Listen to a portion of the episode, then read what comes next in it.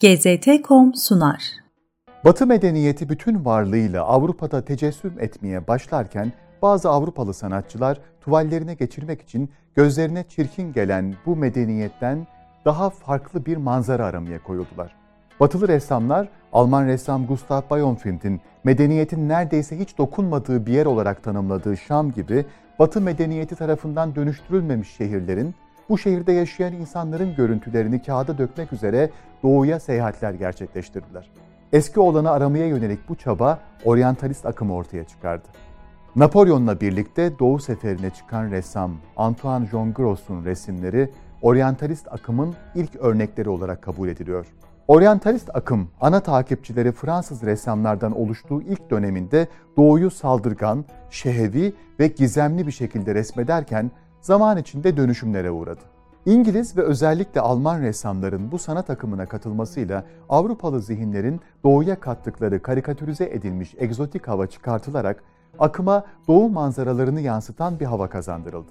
Bir yandan batının farklılaşan doğu algısıyla birlikte değişen oryantalist akım, öte yandan ortaya koyulan eserlerle batıdaki doğu tasavvurlarını da dönüştürdü. Oryantalist akım sadece resimde kalmadı, mimari ve dekorasyon gibi birçok alana da sıçradı.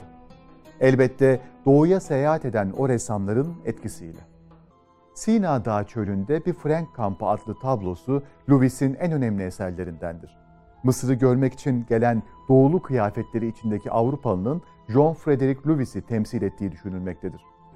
John Frederick Lewis 1804 yılında Londra'da doğdu ressam olan babasının etkisiyle resim sanatına yöneldi ve ilk eğitimini Londra'da bir ustanın atölyesinde aldı.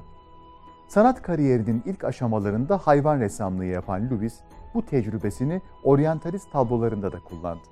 1832 ve 1834 yılları arasında İspanya ve Fas'ı ziyaret eden Lewis, Elhamra Sarayı'nın eskizlerinin yer aldığı kitabını yayınladı. Arap Katip adlı tablosundaki katibin eskizi Bursa gezisi sırasında çizilmiş olmasına rağmen Lewis çalışmasını tablolaştırırken onu bir Arap olarak resmetti ve resme iki kadın ekledi. İtalya ve Yunanistan'a yaptığı yolculuğundan sonra 1840'ta İstanbul'u ziyaret etti. İstanbul'dan sonra Anadolu'nun bazı bölgelerine de seyahatler gerçekleştiren Lewis, bu şehirlerde gördüğü manzaraların da eskizlerini çıkarttı. Hastanın şifa bulması için Kur'an okuyan kişinin ve hasta yakınlarının resmedildiği Lewis'in Dua Hastayı Kurtaracak adlı tablosu. 1841'de Kahire'ye yerleşen John Frederick Lewis birçok resmini bu şehirde tamamladı. 1951 yılında İngiltere'ye döndü ve çalışmalarını burada sürdürdü. John Frederick Lewis'in bir harem manzarasını resmettiği Hanıma Ziyaretçi Geliyor adlı tablosu.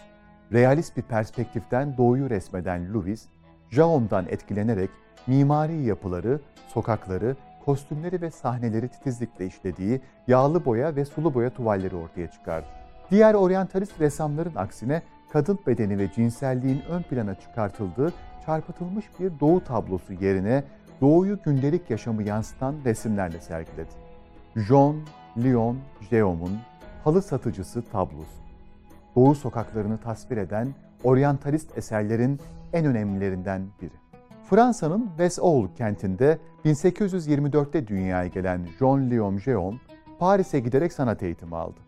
Sanat hayatının ilk dönemlerinde tarihi olayları ve Yunan mitolojisini konu alan resimler yaptı. 1856'da Kahire ziyaretini gerçekleştirdi. Doğu resimlerini devşireceği manzaraları topladığı bu seyahati Kudüs ve Şam'a kadar uzandı. Jean Léon Géon'un Osmanlı ordusunun bir birliği olan başıbozukların bir üyesini tasvir ettiği başıbozuk tablosu.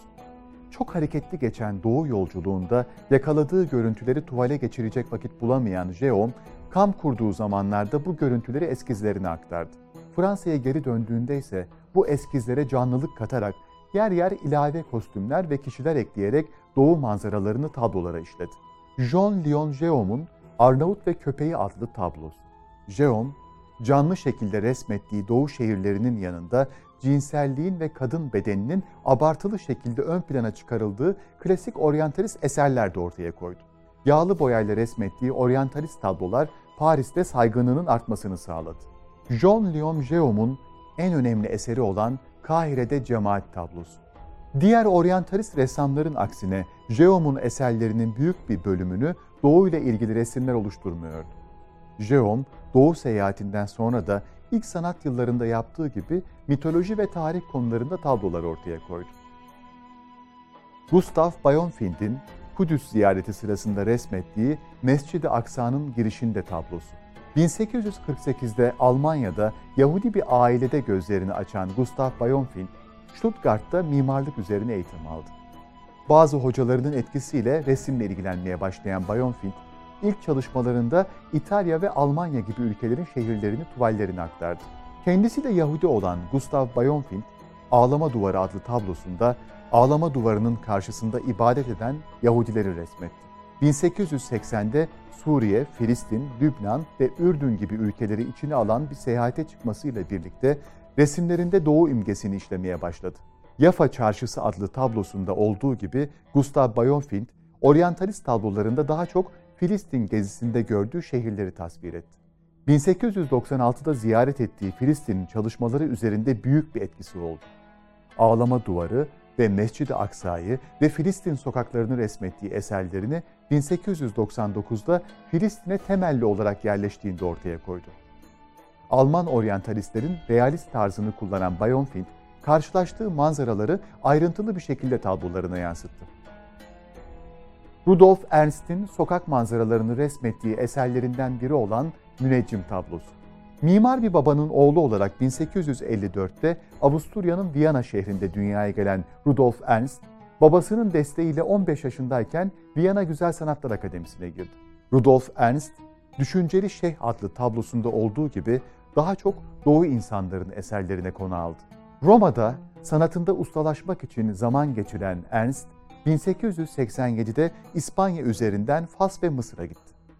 Ernst, bu yolculuklarda tecrübe ettiği Doğu dünyası hakkında fazlasıyla eser ortaya koyarak oryantalist ressamların en önemli temsilcilerinden biri oldu.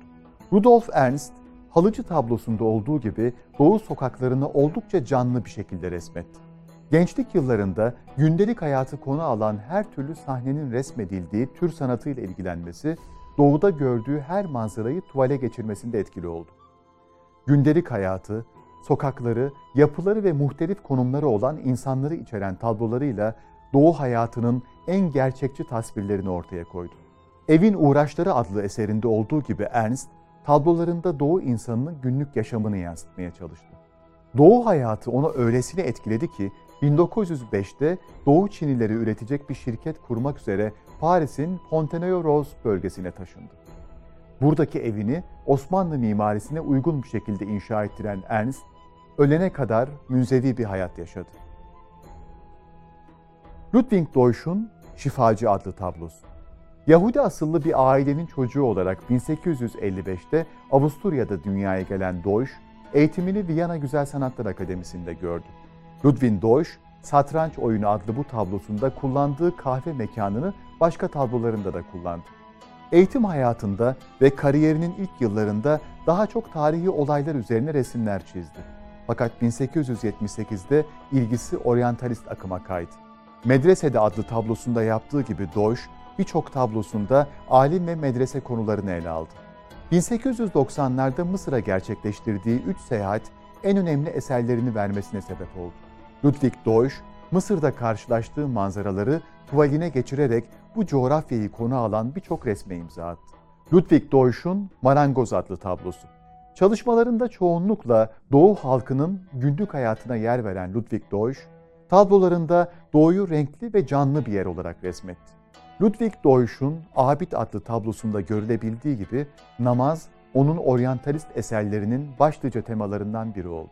Namaz kılanları, muhafızları, sokak satıcılarını ve müzisyenleri konu alan birçok eser ortaya koydu. Bu manzaraları gerçekçi bir perspektifle yansıtmaya önem veren Deutsch, insanlar, binalar ve mekanların tasvirinde fazlasıyla detaycı bir tavır ortaya koydu. GZT.com sundu.